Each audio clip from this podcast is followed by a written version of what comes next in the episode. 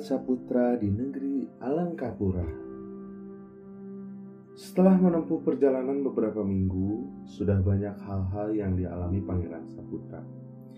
Ia bersama Bayan, Sangit, dan dua orang pengawalnya berjalan menyusuri bukit-bukit dan hutan yang sangat luas.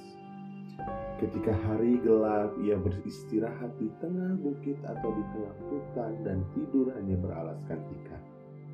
Perjalanannya itu memang dirasakannya sangat berat. Apalagi ia sudah terbiasa hidup mewah di dalam istana. Segala keperluannya sudah selalu tersedia untuknya. Sementara di luar istana seperti ini, ia harus berusaha payah dulu untuk mendapatkan sesuatu yang dia butuhkan. Sore itu, badannya terasa gatal-gatal. Sudah tiga hari ia tidak mandi, Lalu ia bersama pembantunya berjalan kaki mencari sungai. Beberapa lama kemudian mereka melihat aliran air gemercik melalui selokan kecil. Air itu tampak jernih dan ketika mengenai tangan mereka terasa sangat dingin. Pangeran Saputra berkata, Hai paman, kita berhenti sejenak. Mari kita beristirahat, mari kita bersihkan badan kita. Baiklah tuanku pangeran, kita berhenti di sini sambil beristirahat. Jawab Bayan dan Sangit bersama. Mereka membersihkan badan, setelah itu mengambil air untuk bekal minum mereka. Tidak lama kemudian mereka meneruskan perjalanan. Keesokan harinya mereka sampai di sebuah perkampungan. Warga kampung itu banyak berlalu lalang. Akan tetapi tidak seorang pun yang mengenali mereka. Dilihatnya di sana juga banyak orang berjualan.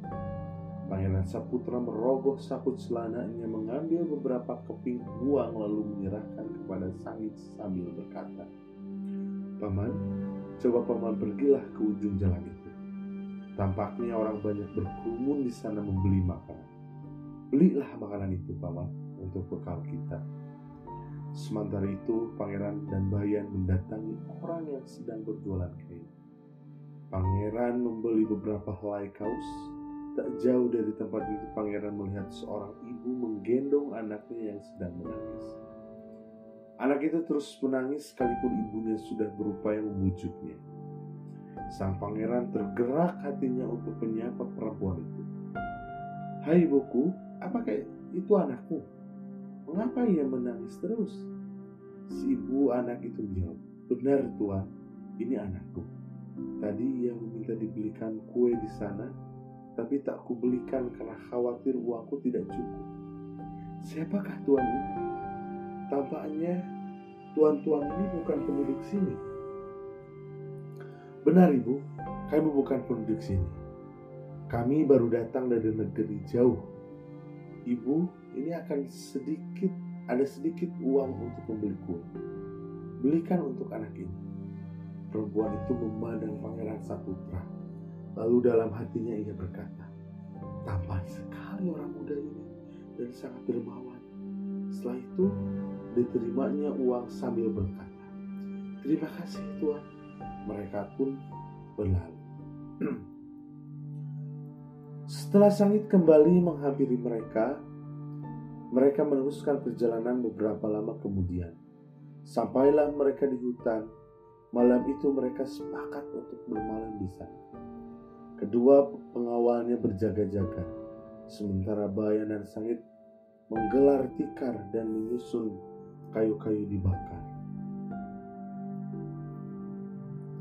Suara ayam berkokok bertanda hari sudah pagi. Mereka kembali berkemas-kemas dan melanjutkan perjalanan. Mereka terus berjalan ke arah utara. Ketika hari sudah mulai siang, mereka sampai ke suatu wilayah yang banyak sekali orang sedang berjaga-jaga. Perjalanan mereka kian dekat dengan beberapa orang yang sedang berjaga-jaga itu. Setelah dekat, orang-orang itu mengacungkan pedang mereka ke arah Pangeran Saputra dan kedua pengasuh serta kedua pengawalnya. Lalu salah seorang dari mereka berkata, Hai orang asing, hendak ke mana kalian? Tidakkah kalian tahu ini daerah terlarang bagi orang asing yang masuk tanpa izin? Pangeran Saputra menjawab, Wahai penjaga, sungguh kami tidak tahu sudah sampai di manakah kami ini. Kami sedang mengembara dari satu negeri ke negeri lain. Izinkanlah kami melewat dari daerah ini. Para penjaga itu berkata sangat kasar.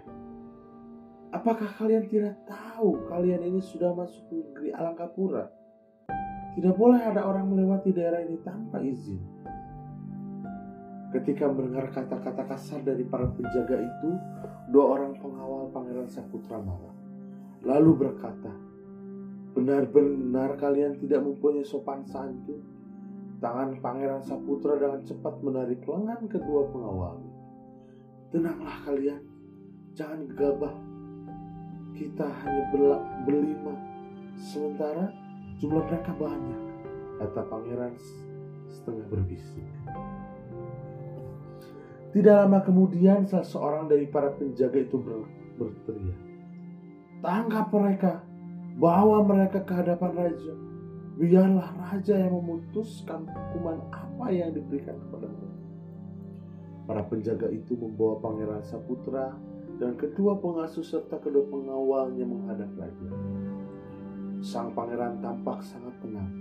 Bayan dan Sangit sangat khawatir akan nasib pangeran sedangkan kedua pengawalnya tampak geram. Namun, mereka tak bisa berbuat apa-apa.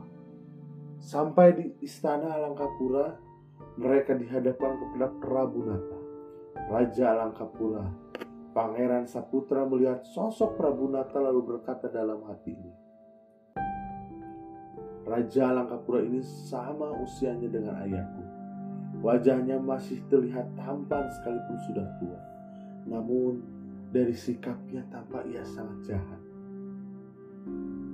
Hai anak muda, berani sekali kalian memasuki wilayahku. Dari mana asal kalian dan hendak ke mana kalian? Raja berkata-kata sambil berjalan mondar mandir di depan muka Pangeran Saputra. Sorot matanya sangat tajam mengamati wajah sang pangeran. Pangeran Saputra menjawab dengan jujur. Hamba datang dari negeri Sila Negara Hamba sedang mengembara untuk mencari pengalaman hidup. Hamba berjalan tak tahu arah hingga tak sengaja hamba sampai di wilayah Tuhan. Anak muda, jika aku melihat wajahmu yang rupawan tak banyak kau adalah seorang bangsawan. Benarkah? Ceritakan kepadaku siapa sebenarnya jati dirimu. Pangeran Saputra menjawab penuh hormat. Hamba adalah Saputra, putra Raja Sila Negara. Tuan hamba mengembara bersama dua orang pengasuh dan dua orang pengawal. Raja Prabu Nata lalu duduk di singgah sana sambil berkata, Saputra, aku mengenal ayahmu. Akan tetapi untuk masalahmu ini aku tidak akan memberimu ampun. Aku akan tetap menghukum.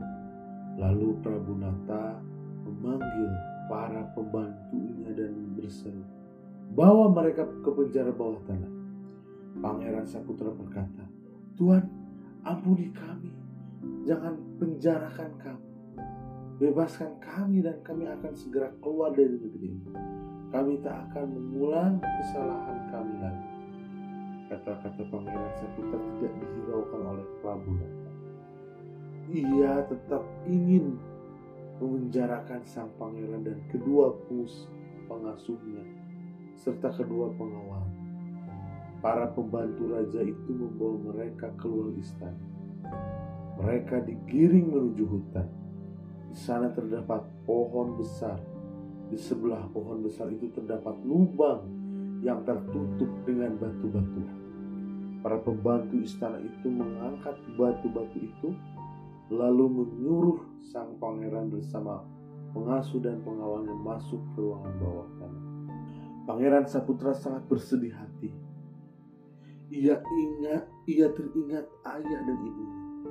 Tiba-tiba muncul perasaan rindu kepada kedua orang tuanya. Raut wajah sedih sang pangeran terlihat oleh Bayan dan Sangit serta kedua pengawalnya. Bayan dan Sangit menghibur pangeran katanya. Tuan muda, ini adalah pengalaman baru bagi Tuan. Anggaplah kejadian ini sebagai ujian bagi Tuan.